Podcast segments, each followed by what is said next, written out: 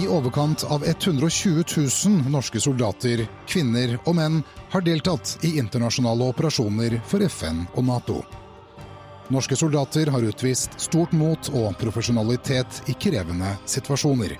De har tjenestegjort på land, til sjøs og i luften. Noen kom ikke hjem. Andre fikk fysiske eller usynlige skader. Noen få er blitt hedret og æret som krigshelter. Felles for alle er viljen til å yte det lille ekstra for at andre skal få nyte den freden og friheten vi andre tar for gitt. Vi kan ikke tillate oss å glemme dem. De må få fortelle sin historie fra egen munn.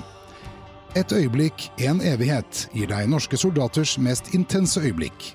Øyeblikk som varer en evighet.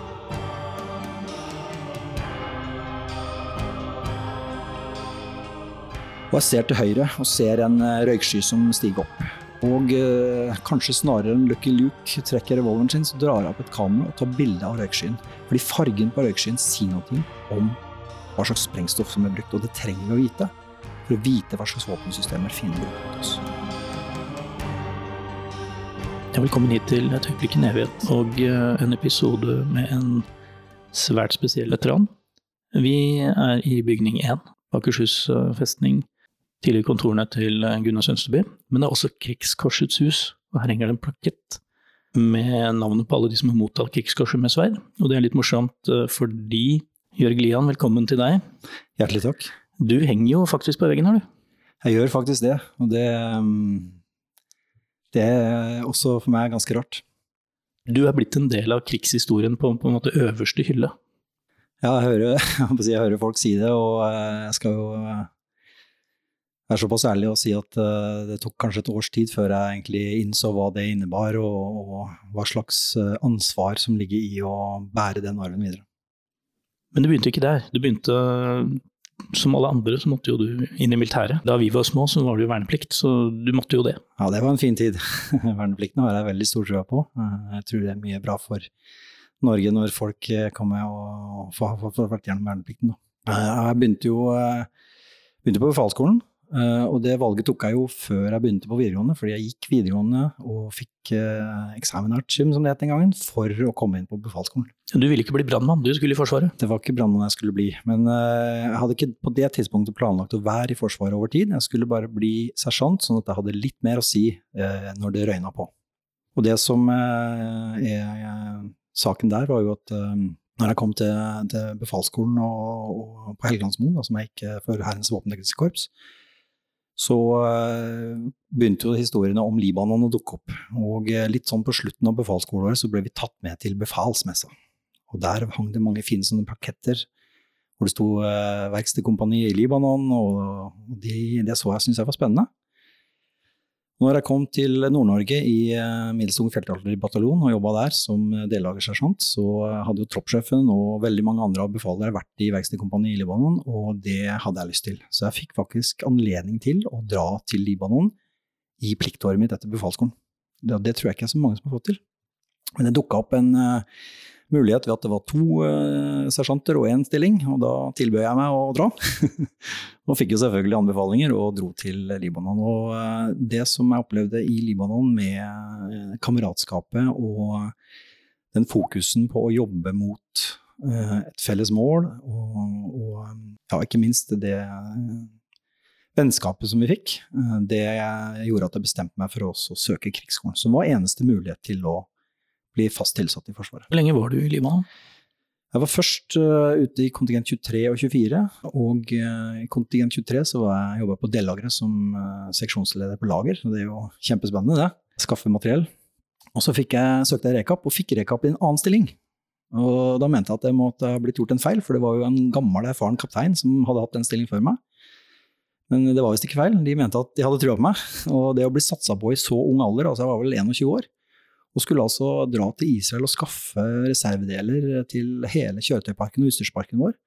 Når FN-systemet ikke klarte å skaffe det. Det var mye ansvar på, på, for en ung mann. Men det ga jo mersmak. Det var herlig å få bli utsatt for å mestre, og da var det ikke noe tvil. Da var det bare å få komme seg på plass i Forsvaret, fast tilsatt. Og der har du jo blitt siden, og ikke bare i Libanon. Nei, det har, det har, blitt flere turer. Jeg dro hjem og, og, søkte opptak på krigsskolen. Kom ikke inn. Og det var den første, første bommerten i livet mitt, at jeg ikke fikk det sånn som jeg ville, og skjønte at da er det jo bare å skjerpe seg. Jeg sendte vel 23 søknader til forskjellige avdelinger i Forsvaret hvor jeg syntes det hørtes spennende ut å jobbe. Det var jo analog tid, så det var jo brev og sånne ting. Og fikk faktisk tre jobber. Hvor jeg tok en jobb i eh, mobiliseringsavdelingen min. Og de sa at de kunne bare love meg et halvt år. Og så sier jeg fint, for da kan dere anbefale en søknad til Libanon, og så drar jeg ned igjen.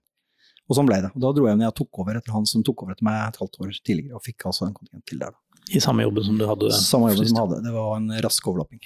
Og det, det jeg trivdes stort med den jobben. er Veldig selvstendig og stor fokus på å løse problemer som, som var store for andre. Libanon gikk over. Du beveget deg videre også? Det gjorde jeg. Og eh, når jeg kom eh, etter krigsskolen, så eh, ønska jeg å fokusere og komme meg inn i ammunisjonsbransjen. Og da kunne jeg få velge mellom GSV og Skjold, og det var jo veldig enkelt valg for meg. Det ble Skjold. Og der oppe så ble jeg lokka og lurt inn i Telemark bataljon, og eh, så ble jeg med Telemark bataljon ut i, til Kosovo i KFOR1 som EOD-operatør sammen med eh, en fin gjeng der. For da hadde du gått over til å jobbe med bomber og miner og den slags? Da mm, hadde jeg fokusert på å bli eksplosivrydder og, eh, og prøve å, å, gjøre en god jobb i, i, Kosovo med den gjengen som jeg hadde der. Det var, det var spennende. Var den tjenesten der nede annerledes for deg enn, en Libanon var? Når jeg kom til Balkan, så var det første gang jeg skjønte at noen faktisk ønska livet av oss. De ønska altså oss døde. Og det var jo en erkjennelse som er spesiell. Eh, og så kan jeg jo skru litt tilbake til før jeg drar til Libanon, fordi jeg gjorde meg noen ganske klare refleksjoner rundt liv og død, og hva det vil si å være soldat. Eh, da var jeg jo ja, knappe 20 år, var kanskje ikke 20 år engang da jeg dro nedover. Og eh, har en livlig fantasi og så for meg mange situasjoner, altså en mental forberedelse av hva jeg kanskje kunne komme ut for i Libanon. Eh, og eh, det har, eh, det har jeg fortsatt med. Når jeg skal gjøre noe som er tøft, så tar jeg en sånn mental forberedelse på det. og Merkelig nok så er det noe som virker veldig godt. Og da når du kommer i situasjonen, så går det betydelig bedre enn ikke resultatet enn forberedelsen. Men altså i, Kosovo og på Balkan så, så, opplevde jeg at her er det noen som vil oss vondt. Og jeg hadde også en tidagers uh, sak i Bosnia, fordi uh, materiellet tok noe tid å få nedover. og Da dro vi til Bosnia med laget mitt, og så hjalp vi EOD-operatøren uh, og EOD-laget der for å rydde unna ganske store mengder av eksplosiver og sprengstoff og ammunisjon som måtte destrueres. Så det var rett og slett anleggs-EOD, som jeg kaller det, altså eksplosivring, av store mengder. Nå gikk jo også håper å si Balkan-eventyr over. Et nytt kapittel åpner seg, og det er jo Afghanistan. Absolutt. Og uh, da vi var på befalsskolen på Helgelandsmoen, så på slutten av skoleåret så presenterte jo forskjellige stillinger som man kunne få da, i Forsvaret. og en av stillingene som ble presentert, var EOD-operatør i noe som het Forsvarets spesialkommando. Det hadde jeg jo aldri hørt om før. Men det var ikke noe til. Den jobben skal jeg ha. Og jeg trodde jo på det tidspunktet at det var bare å få den eh, der og da, eh, og så har jeg jo skjønt i ettertid at det krever jo erfaring. Det krever masse erfaring, men jeg har hele tiden hatt den jobben eh, i sikte, og 13 år senere så ble jeg tilsatt som EK1, eller en som ener, eller EOD-operatøren i Forsvarets spesialkommando. Det her var i 2000, da. Det var etter at jeg kom hjem fra Kosovo. Og da hadde jeg jo eh, den erfaringa som kanskje måtte til for å i det hele tatt ha en sjanse til å kunne levere i en sånn uh, avdeling. Hvor lang tid tok det før du da ble deployert til Afghanistan? 11. kjent dato for oss alle dessverre, eh, så var vi i Horten, og vi så jo på TV hva som skjedde der. Vi var i Horten og trente sammen med spesialoperatørene og spesialjegerne. Og da skjønte vi at nå blir det endring i, i hva vi skal drive, drive, på med nå i noen tid framover. Og så var jeg med på den aller første deployeringa til Afghanistan sammen med Forsvarets spesialkommando. Og da dro vi til Kandahar, helt sør i Afghanistan. Alt det som vi har sett på TV og hørt fortalt og blitt fortalt fra Afghanistan, så, så slår det jo alle at en av de største truslene er jo veibomber, som vi også har tatt tap på. Tenkte du veldig, mye på at det ville være en stor del av jobben din? Da jeg kom til eh, Forsvarets spesialkommando, så var ikke fokusen så stor på å si, ta inn over seg at terrorbomber var en del av våpensystemet som ble brukt av terrorister. Min jobb var i stor grad å være ammunisjonsmann og levere ammunisjon og trene opp folk som skulle drive med sprengningstjeneste. Og så brakte jeg da inn med min fagkompetanse eh, eksplosivryddebiten. Det, det, var der, men det var mer minebiten som kanskje var mest i fokus rundt både Libanon og i hvert fall på Balkan. Afghanistan ble en helt annen uh, sak. Uh, I Afghanistan var det ikke noe tvil om at uh, hovedvåpensystemet var bruk av terrorbomber eller improviserte eksplosiver, eller IED-er som vi kaller det i Forsvaret. Og i Kabul så, så, var det mange som hadde kunnskap om å bruke sånne bomber til sin fordel. Og jeg kan jo ta opp en historie fra 2009, fordi det, det, året der så var jeg i, i eh, Kabul i ti måneder ca. Eh, jeg var der også i 2007 og 2008.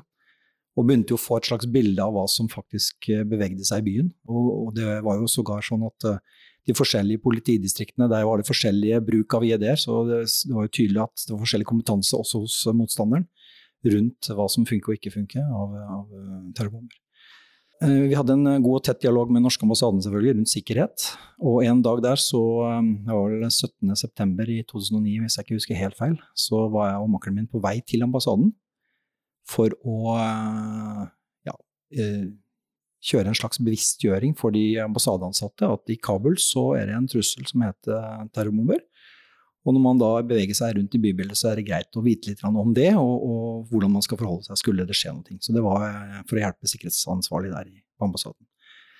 Og på vei bort til ambassaden så sitter jeg og um, makkeren min og diskuterer, eh, som vi alltid gjør. da. Sitter der i bilen litt sånn avslappa og kjører av gårde, og, og kommer til eh, begynner å nærme oss en rundkjøring som heter Masood Roundabout. Og akkurat da så er temaet eh, 'Troops in Contact', og definisjonen av det, altså TIC.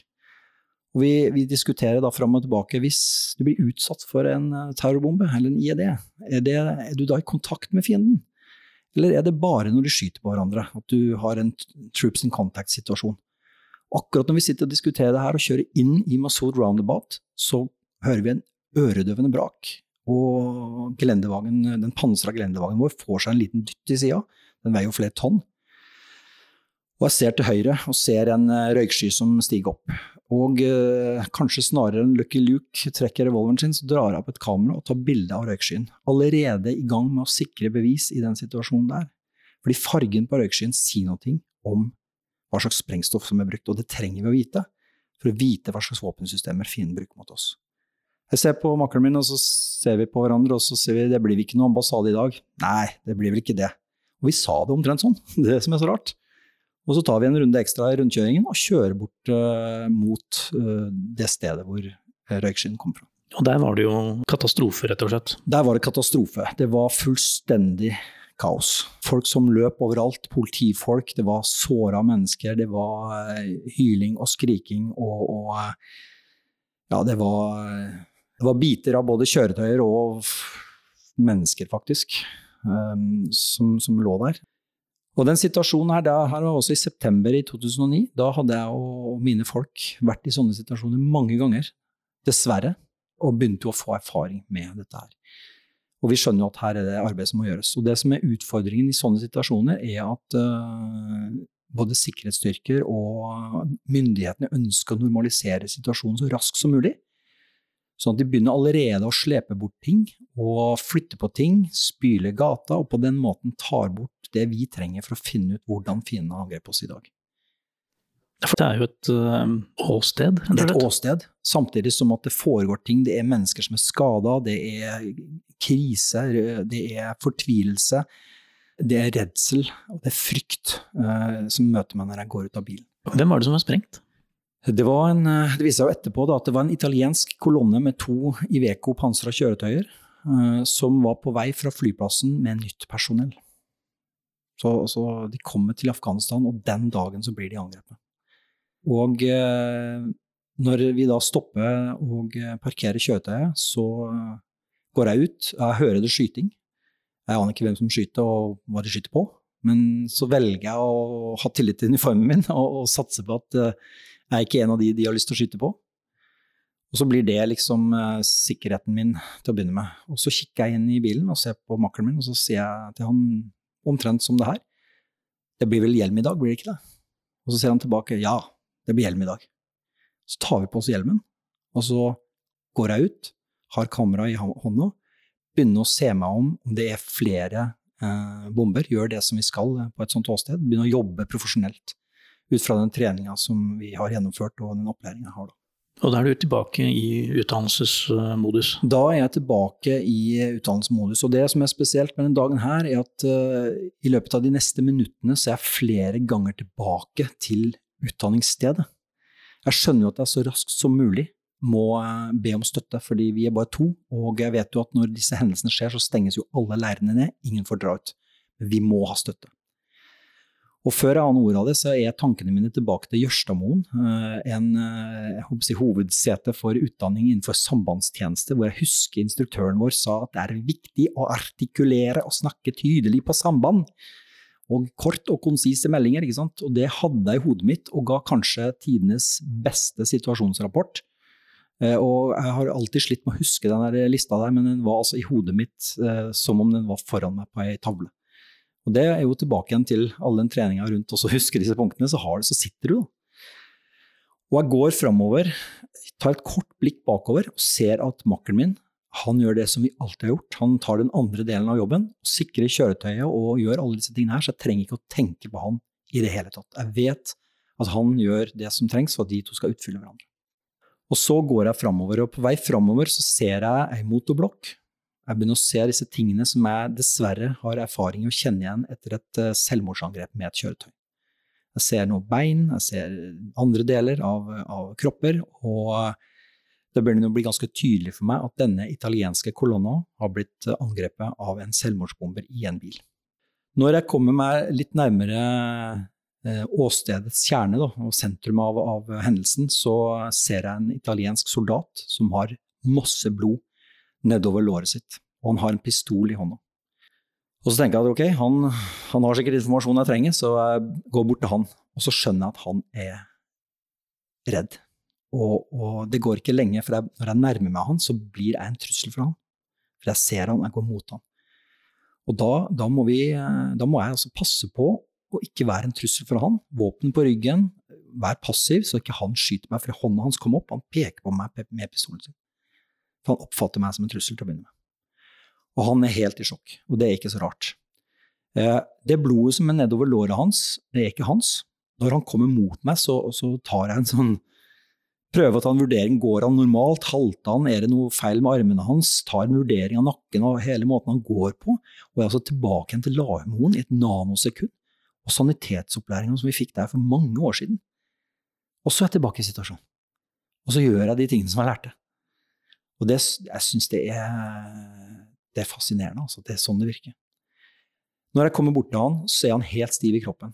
Jeg prøver på en måte å få kontroll på armen hans, og, og, jeg kjenner at han er helt Det er ikke sånn du skal skyte pistol, for da bommer du.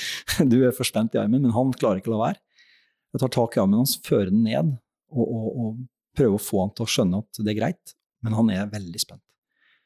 Og det ender altså med at jeg, vi, vi vi tar en liten dialog der. Eh, han tar ut magasinet sånn at jeg føler meg trygg.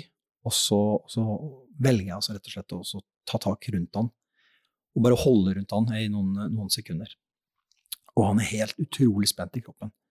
Og så kjenner jeg da når jeg gir han denne bjørneklemmen, da, og holder og gir han trygghet, fysisk nærhet og trygghet, menneskelig, så kjenner jeg at han slipper etter hvert anspentheten og, og, og slapper av. Da. Sånn at han, han forstår at nå er det greit. Og så glemmer jeg egentlig han, da. Og, og, og går framover og, og, møter en annen person, og det eneste han er opptatt av, en eldre italiener eh, Hvor er bildene, og når skal vi dra? Det var det eneste han, han ville bare vekk derfra. Det skjønner jeg veldig godt. Han var nok en av de som kom og fikk brutale, det brutale møtet med Afghanistan. Men han så ikke ut til å være skada. Han uh, så heller ikke ut til å være en ressurs på stedet, så jeg brukte ikke så mye tid på han. Bare lot han på en måte holde seg der han var men fant ut at det kjøretøyet som jeg trodde var det som var, var truffet, det som sto midt i veien, og som var relativt hardt skada, det var ikke det kjøretøyet som var truffet i kolonna. Den Ivecaen som var truffet, lå 20 meter unna det som jeg fant var krateret, og var kasta altså 20 meter av gårde. Det har vi jo målt med målebånd, så vi vet jo at det var det. Og da er det en ganske solid ladning, altså for en Iveco pansra kjøretøy er et veldig tungt kjøretøy. Og jeg går da bortover til det kjøretøyet, ser meg tilbake igjen på makkeren. Da er han allerede i ferd med å sikre bevis, måle kraterdybde, diameter og, og tar de tingene der eh, som vi har trent på så mange ganger. Og på den måten så vet jeg at vi er godt i gang med, med alle aspektene av det som forventes av at vi skal levere da, på et sånt sted. Går framover mot det andre kjøretøyet. Den i Ivecoen der ligger på sida. Taket skrelt av. Jeg ser to livløse kropper i baksetet som er hele. Og jeg ser framover at uh, de som har sittet i forsetet, de har blitt kasta ut av uh, kjøretøyet, og de er ikke hele. Og så ser jeg oppe på en sånn sandhaug som er oppe til høyre for oss, uh, litt sånn på sida av veien der, at det er noen journalister som driver og tar bilder av, av disse kroppene, disse delene. Og jeg kjenner på meg at det her blir veldig feil. Og så er det en afghansk politimann som står ved siden av meg, eller er ved siden av meg, så jeg bare tar tak i han, så jeg får hans oppmerksomhet. Og han snakker dari, og jeg snakker engelsk, og vi, vi snakker jo ikke hverandres språk, men skjønner jeg at han syns det er feil, han òg. Og så peker jeg opp der, og han løper opp og, og jager disse journalistene ned, da. For han, vi er enige. Det her er ikke riktig. Du skal ikke fråtse på den måten her. Og han får de unna. Og så kom jeg bort til denne her Ivekoen, Ivecoen som, som, ligger på sida der, og der står det en ung italiener, soldat, som har overlevd antageligvis det andre i det andre kjøretøyet, og han står der og virker ikke. Han står der og bare peker på bilen og er pass, helt passiv og i sjokk. Og så tenker jeg at han er ikke skada, og han kan bidra. Uh, rundt den Ivecoen så ligger det ammunisjon, det ligger uh, sambandsutstyr som er kryptert, og uh, sikkerhetsaspektet. Liksom, få det her inn viktig. Så jeg tenker at jeg igjen tilbake til Lagermoen. Hva gjør du med han der som er i sjokk, men som ikke er skada? Jo, du må bli litt streng. Så jeg kjefter, kjefter på han. Og, og, får han ut av, av den situasjonen som er. Blir litt streng med han, da. Og, og, og, så sier jeg nå er du her, se på denne bilen her nå, se på alt det materiellet som ligger her. Det har vært et angrep her, men nå er det over. Det vi trenger at du gjør nå, er at du plukker opp alt det som ligger her. Og, og, det er jo noen nyhetsbilder her som viser den haugen av alt det materiellet han har samla inn. Og for alt jeg vet, så kan det godt hende at han har blitt dekorert for å sikre kritisk materiell i en så kritisk og alvorlig situasjon. Jeg håper jo det. For, for da fikk vi han i gang igjen som soldat. Da. Og det her er jo helt naturlige ting som vi også har hørt i, i treninger rundt uh, den mentale ivaretakelsen av, av soldater på stridsfeltet. Og så kommer makkeren min bort til den andre bilen og så sier jeg, kan ikke du uh, ta, ta, sjekk de to, eh, de to, livløse kroppene baki og, og, og se om de, om de, er i live. Og han kommer tilbake igjen og forteller meg at, eh, at han, det er såpass mye puls, og det er vanskelig å kjenne her, så han får ikke, han får ikke kjent noen puls. Og da tar vi en avgjørelse. De er døde. Vi tar en avgjørelse. De er døde. Jeg tror nok det er veldig sannsynlig, og jeg må jo leve med den avgjørelsen nå. Men når du altså har vært utsatt for en, eh, en eh, bombe som i ettertid viser seg å være ca. 300 kilo, og som blåser et pansra kjøretøy 20 meter av gårde, hvor taket blir skrelt av, og de som sitter i forsetet, blir i småbiter, så tror jeg at vi hadde rett i den vurderingen.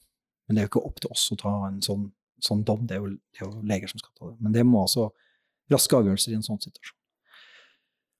Og så, da, og da kommer det andre kollegaer av oss, amerikanere, franskmenn og briter, som også uh, har kunnskap om eksplosiver, har kunnskap om åstedsgransking, som jo det som vi må gjøre samtidig her. Hvor vi får eh, tatt vare på, på, de døde soldatene og, og lagt de klare. Så kommer jo den eh, italienske Quick Reaction Force, altså den raske reaksjonsstyrken, ut. Og da er vel på mange måter situasjonen over. Men da må jeg forstå at det her er en helt forferdelig situasjon for dem. For det er altså italienere som er drept, det er de italienere som kommer, og man, man må overlate den situasjonen til dem. Og det går så langt som at Og det er mye følelser.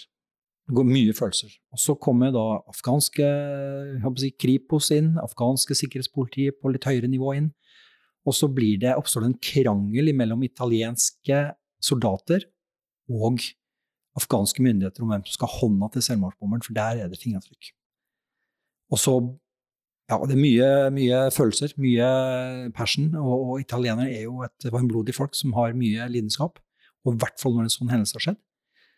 Så det oppstår nesten en, en, en, farlig situasjon der, hvor nesten det kommer til håndgemeng og kanskje våpenbruk. Og da må man altså inn der og, og få roa de ned og, og, bruke diplomati mellom afghanere og italienere. Så det var en intens dag. Ingen tvil om det. Når da eh, den QRF-en, eller Quick Reaction, får se der, så uh, sier jeg fra til min uh, italienske kollega som, som, er sjefen for det italienske eksplosivryddelaget, at uh, vi har samla masse bevis, du skal få alt sammen i kveld. Vi drar, har kontroll. Og så overlater vi åstedet til uh, italienerne. Og så drar vi hjem til leiren. Og på kvelden så gikk du bort til italienerne med, med det du hadde? Ja, jeg gjorde jo det. Men først så kom jeg altså inn i leiren. Og når jeg kom inn i leiren, så kjenner jeg jo at nå er vi tilbake, nå er vi hjemme, og nå er situasjonen over, og så slipper liksom skuldrene ned. Fordi i den situasjonen så, så blir jeg i hvert fall veldig fokusert på oppdraget. Og legge unna en del ting som, eh, som, man må ta opp igjen senere. Og uh, de andre i leiren var jo veldig spente, hadde sett her på nyhetene. og liksom, Hvordan var det? Kom igjen, fortell, da! ikke sant? Og, og veldig ivrig på å høre historien. Men da hadde vi fått nok. Så da ba jeg pent om at, eh, at, kan ikke vi ta det i morgen. Men det vi gjorde da, at jeg gikk og henta et par kalde drikker, og så gikk vi tilbake på rommet, jeg og makkeren min, og så og så satte vi oss bare ned og, og ja, tok en litt sånn forsiktig prat. Og uh, vi satt jo der. Det var jo Uniformene våre bar jo preg av dagen. Det, var, det ble jo, det ble jo De blei tilsølt av, av, blod. Og makkeren min han fant ut at han ville bytte uniformen, men jeg så ikke noe hensikt til det, så, så, jeg gikk rett og slett i dusjen med klærne på og, og dusja, dusja meg rein. Det var kanskje en, ikke bare en fysisk seanse, men det var kanskje også en mental rensing av det som hadde skjedd den dagen der. Og den uniformen er jo nå utstilt på Forsvarsmuseet her i Oslo, på Akershus festning. Det er akkurat den uniformen som jeg brukte den dagen.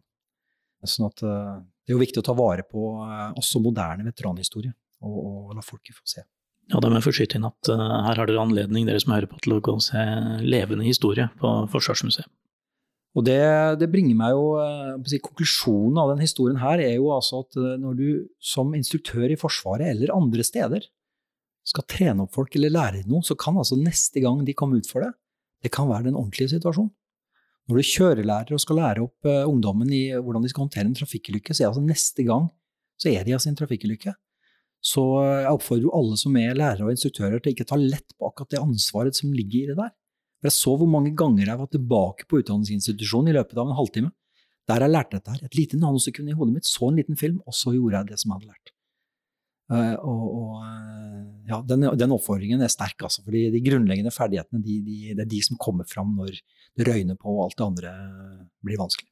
Du har jo vært i en, eh, en situasjon, sikkert flere ganger, men uh, hvor du er mentoren, den som skal lære opp. Og hvis jeg sier 2. mai 2012 2. mai 2012, da var jeg igjen i Kabul, og vi var jo i Kabul for å trene opp det afghanske sikkerhetspolitiet i byen der, altså egentlig beredskapstroppen i Kabul som på det tidspunktet het Crisis Response Unit, eller CRU.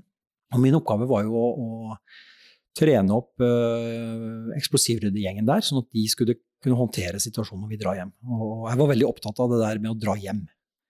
Fordi vi skal jo på et eller annet tidspunkt dra hjem. Nå har jo det blitt svært aktuelt nå i disse dager, hvor den avgjørelsen er tatt. Og da må de klare seg sjøl. Og da er vi tilbake igjen. Og når jeg skal mentorere og trene opp de, så må jeg altså gi de all den kunnskapen og kompetansen som jeg kan gi dem, sånn at de skal klare seg når dagen kommer. Og 2. mai så eh, var det et sted eh, i Kabul som eh, var bebodd av vestlige kontraktører og annet personell som jobba for koalisjonsstyrkene, som ble angrepet.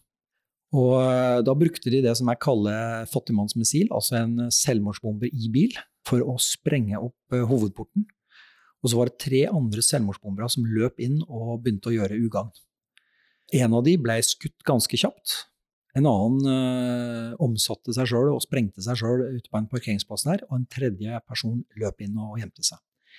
På det tidspunktet så var jeg enda ikke involvert, men øh, i god dialog med troppssjefen så eh, ble vi enige om at øh, det var tid for å få inn eksplosivryddig kompetanse, og vi drar bort dit. Jeg møter min afghanske kollega, Saifur Rahman, hvis navn betyr Guds sverd. Det var for øvrig litt, Vi hadde en diskusjon rundt det, da, og Han spurte hva navnet mitt betydde, for han sa jo at navnet hans betydde det. Da.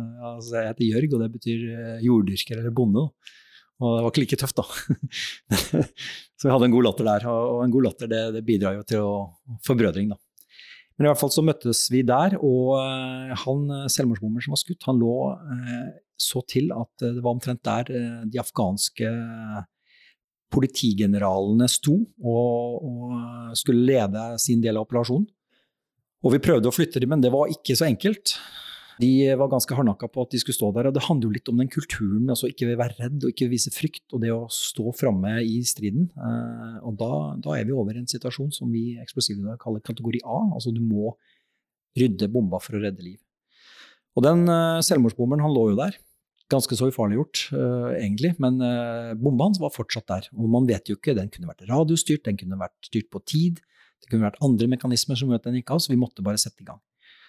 Så jeg og min afghanske kollega vi, vi, hadde jo da vært igjennom det her med bevissikring, fingeravtrykk og DNA og sånne ting, og så tenkte jeg at det her er en fin anledning til å ta han med.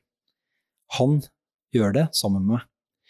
Og så viste det seg at han hadde glemt hanskene sine, og dette hadde vi snakka om, det med fingeravtrykk og, og sette igjen sine egne spor og ødelegge andres spor som vi vil ha tak i. Og jeg spurte hvor er hanskene. Nei, det hadde han glemt, da. og jeg kjente jeg ble litt skuffa. Eh, dårlig instruktør, ikke sant. Jeg har ikke fulgt opp. Så så jeg på han og sa du, du, er, er høyrehendt, du er ikke det? Jo, han var det, da. Ja, det er jo fint, for jeg er venstrehendt. Så da har jo jeg et hanskepar her, og så tok jeg av meg min høyre hanske og ga han min høyre hanske. Så fikk han den, tok på seg den.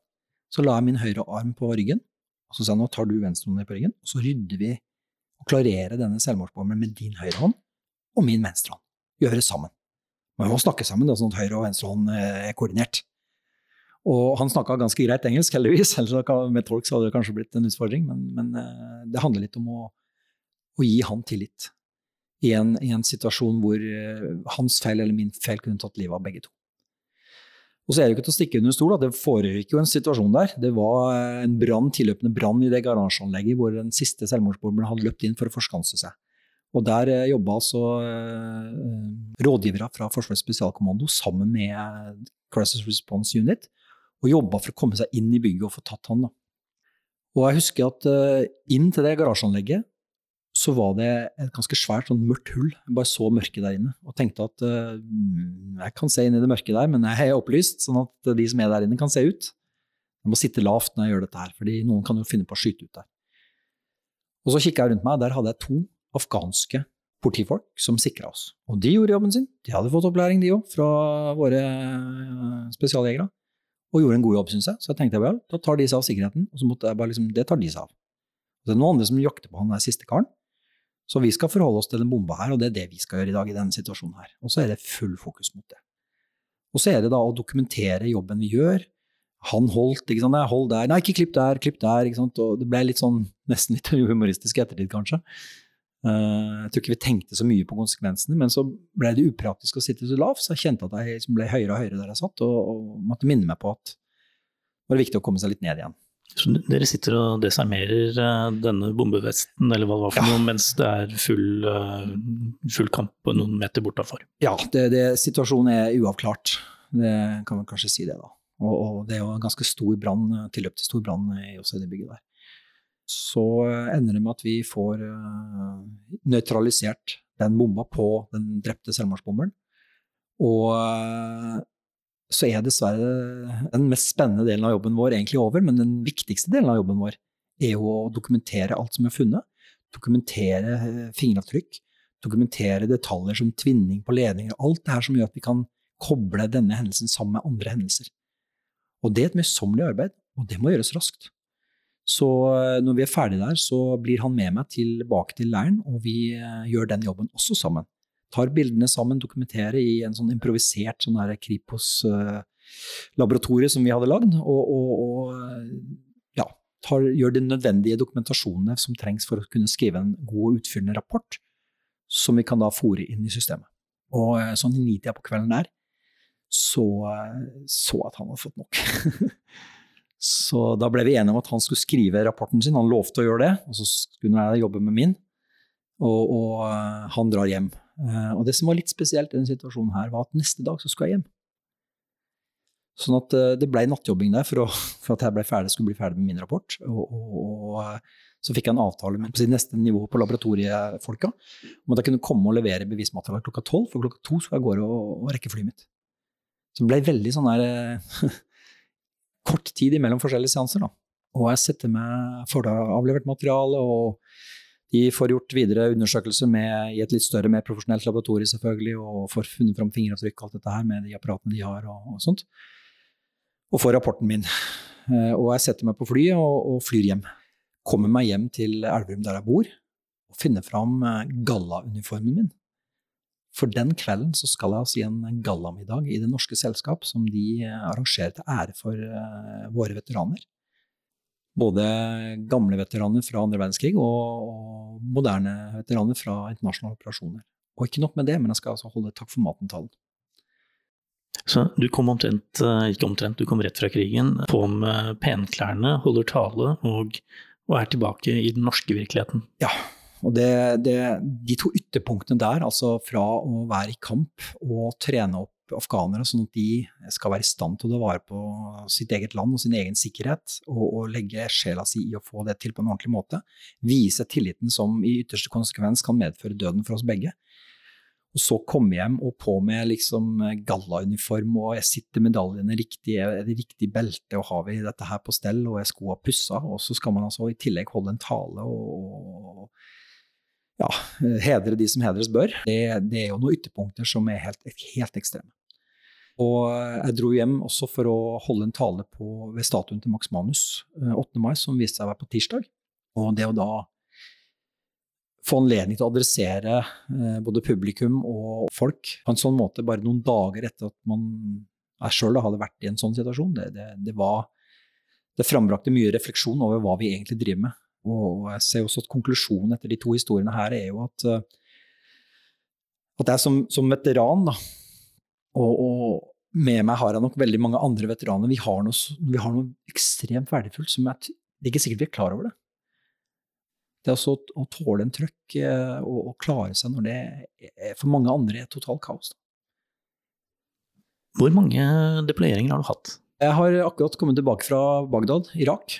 Så akkurat nå så driver jeg og avvikler liv. Eh, og ved en litt sånn nøyere opptelling så er det visst 15 kontingenter nå. Du har 15 kontingenter som du har kommet hjem fra. Ja.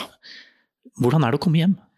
Jeg har vært veldig heldig i alle situasjonene, fordi jeg kommet hjem og bare fortsatt å begynne å jobbe.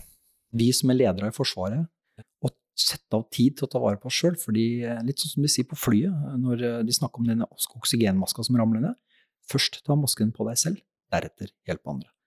Og det er kanskje ikke helt forenlig med den norske lederkulturen, hvor man skal altså gi jernet helt til man stuper. Men eh, jeg oppfordrer for så vidt alle ledere, fra og med den yngste visemeniassistent under opplæring til eh, generalene, at eh, det er utrolig viktig å sette av tid til å ta vare på deg sjøl, sånn at du er i bedre stand til å ta vare på dine gutter og jenter når, det røyner på over tid. Dette er en av mange unike historier om selvoppofrelse og mot fra våre soldater. Her lar vi soldatene selv fortelle om de intense øyeblikkene, akkurat slik de opplevde det. Historier som rett og slett er blitt et øyeblikk, en evighet.